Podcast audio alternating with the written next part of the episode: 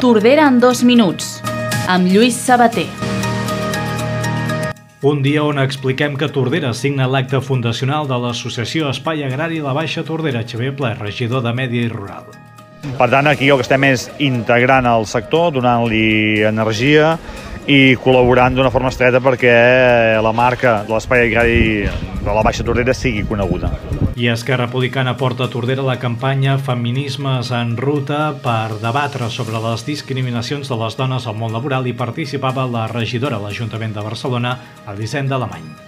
L'objectiu és visibilitzar, evidentment, que existeix una, una diferència no? entre, entre homes i dones en el món laboral i que això fa que les dones paguem uns peatges en determinats àmbits que ens separen de la igualtat salarial de, dels homes. No?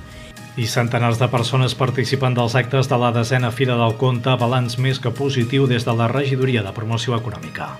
Molt bé, molt contentes. Ha sigut una fira molt d'èxit, com sempre, la Fira del Conte, amb molta participació per part del públic, amb moltes parades editorials, hem tingut entitats, escoles, llibreries. Durant tot el dia hem tingut una afluència de gent, que a més a més és un públic fidel ja a la fira, gent de Tordera, gent de fora, per tant fem un... estem molt contentes. I en esports, el primer equip del Club Petit Tordera s'estrena amb un empat a la pista del Xum Massanet.